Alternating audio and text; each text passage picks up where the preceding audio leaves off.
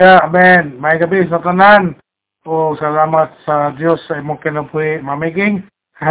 Sister Giging, sa imong pagwali sa Hebrew 11 verse 6. Nindot imong pagkasaysay ug ako naging maklaro maklaro nga kamutanan nga nagpuli-puli og walay salamat sa Ginoo nakahibalo na gyud mo unsaon pagpatindog sa pulong sa Dios salamat sa Ginoo. Nay nay usa ka striking statement ha nga giingon si sis giging ba?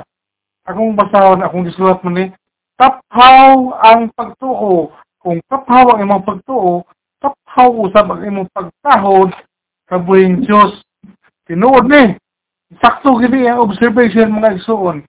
Kay ang tawo nga nagpalayag nga iyahang kaning duty ba? Iyang yung buluhaton nga mo simba sa Dios gikinahanglan mo lihok siya nga gigamit usab niya ang iyang unahuna nga buhaton gid kay sa tibok niya kasing-kasing nga nasayo gud siya kani tinuod na kayod uli na gid pwede mausab sa iyang kinabuhi nga sa iyang pagsimba sa Dios adunay Dios nga iyang gisimbahan. Ang Dios nga kaning eternal hangtod sa kangturan. Ang Dios nga kaning self-existent no umingon tag self-existent wala naguna o wala nagsunod.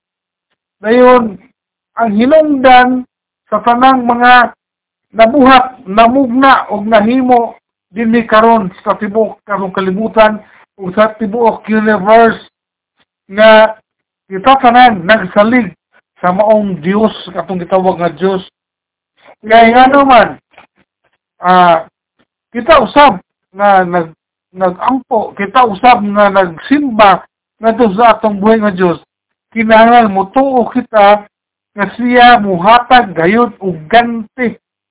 Ngadto mga tao nga naninguha naning kamot kaning diligently ba kanang wala na tinapulan sa pagpangita kaniya o wala kita mismo sa atong pagpangita sa Dios wala kita unay og saway sa atong kaugalingon nga gihimo nga ang Dios inig dawat inig tan-aw niya sa atong pagsimba kaniya una o panalangin gid siya kanato isugutan sa ni sa sergihing no nga. Kapila na ta magampo ni tubag. Kapila na ta nagpasalamat ug nangayog mga unsa din nga solusyon sa ato kinabuhi ni atong Bible study group gitubag sa Dios na naman. Tungod we diligently seek Him.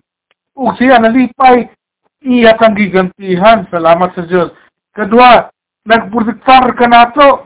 Salamat sa Ginoo bisan tuudog pila na ka mga unsa din na ang gitakboy kanato nga mga balatian nga gihatag o gitugutan sa atong kaaway wala bidulot kanato ug nahimo gid kita nga naulian nga igsuon pinaagi sa bagampo kay mitawag og nangita kita sa atong buhing Dios ngayo kita og kaayuhan og naayo kini gi gilakmit sa sa ni Sister Gigi nga giingon ang Dios gayon siya pulo og tinuod kani nga realidad mga igsuon nga dili kaniya biyaan ug dili kaniya talikdan. Salamat kay Lord. Dayon sa katapusan ang Dios muluwas. No muluwas ni atong mga tawo nato nga yano kaayo og nagminatarong sa atong kasing-kasing nga nangita kaniya ug nag-alagad pagyud kaniya. Siya gid ang gipangita nindot kay mga igsoon kay ato ang pagtuo pagkapahimuot sa Dios ug tungod niini nga nahimuot ang Dios kanato makagan kaniya og sobra-sobra pagid nga lamdag sa atong pagtuo pinaagi din sa atong Ginoo si Ginoo sa Kristo. And dili kita makaduol sa Dios. Gawas kon mutuo kita nga siya mao siya sumala sa iyang gisulti sa iyang pulong no nga nahimong written word sa sama kumala sa akong giwali atong isang gabi eh, nga atong gibasa gihuplan o gitud-an karon.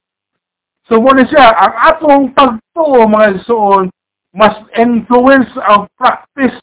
No ako po ning giwali sa ano nga hukman kita pinagi sa atong mga buhat ug hukman kita pinagi sa atong pagtuo kaya atong mga buhat will tell uh, will tell us will tell uh, God unsa katinuod ang atong pagtuo. So dinhi pa amang ang atong pagtuo mas influence or practice. No mo mo dalahay mo influensya ng atong pagtuo unsay atong himuon. Sumuli siya ang lalom kay sa pagsabot ng atong hear and do. No naminaw o gibuhat. So dili patay atong pagtuo o kani ang atong pagtuo ikinahanglan muhukom ni adtong mga wala mituo. Atong buhi nga Dios mura siya nga mukondem gyud nila nganong wala sila mituo sa Dios ug sa ilang pagkawala pagtuo sa Dios ug sa Ginoo Ginoong Kristo klaro na sila nga nahukman. Ug ang Dios wala na himuot kanila. Ituo magyunta sila pero laglag sila ning talikod sila sa atong buhi nga Dios na duha nga iyang gihisgutan nga duha ka heroes of faith. No si Noah si Abraham. Si Noah nindot ang iyang pagtuo. Kay gipagawas gipadayan ni Sister Gigi nga wala siya nangutana sa dihang gimanduan siya maghimo nining dakong arka. Walay pangutana pangutana. Ingon ana unta atong pagtuo? Dili ta magsig pangutana nga naman Lord nga naman eh uy nga nga karos na pa man eh o yan amay taman daghang pag pangutana atong pagtuo mura og paingon ta sa pagduda ug si Abraham usab mituman Hinungdan nga nakadawat siya og taas nga kinabuhi ug daghan pag siyang kaliwatan. No? Ang atong pagtuo mutuman. Dili kay pagtuo na to mutilibagbag ta og mangluod ta nga di na ta mutuman. O kabahin ni ining iyang gisgutan nga kaning sa kadaghan sa kaliwatan ni Abraham kita karon mga igsuol we are called the spiritual Israelites kadili man ta katong ilahi yung kadugo kung dili gikan man sa non-believing, you know, mga Gentiles mata nga gitawag sa Dios. Una adra sa grasya galing nga gitanom ng daan sa Dios ang iyang balao sa atong kasing-kasing. Kung nahimo kita anak sa Dios, pinaagi ni Ginoo Kristo sa atong pagtuo kaniya, nahimo kita matarong. Ang, ang karon presently, gitawag kita mga spiritual Israelites.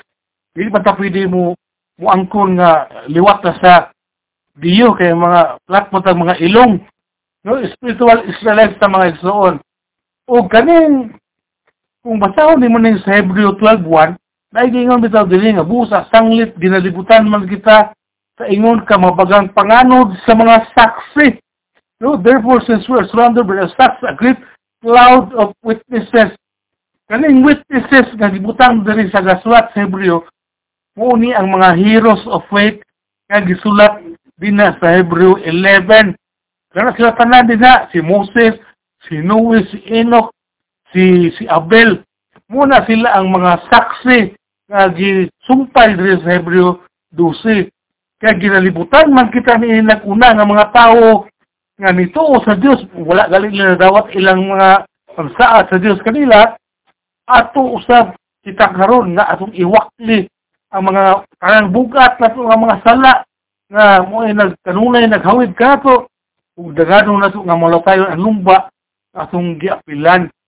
Dahil mututok kita nga ni Ginoo Kristo nga mao ang nagugmad ug naghingpit sa atong pagtuo.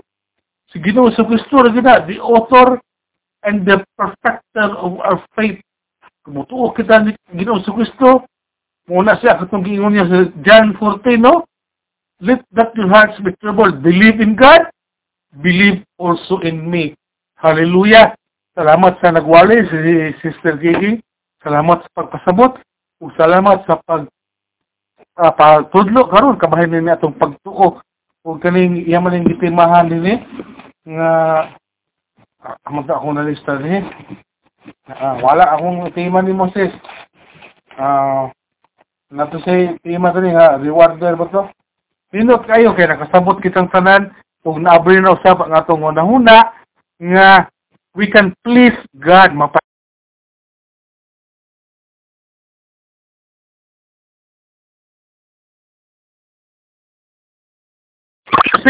Hallelujah, amen.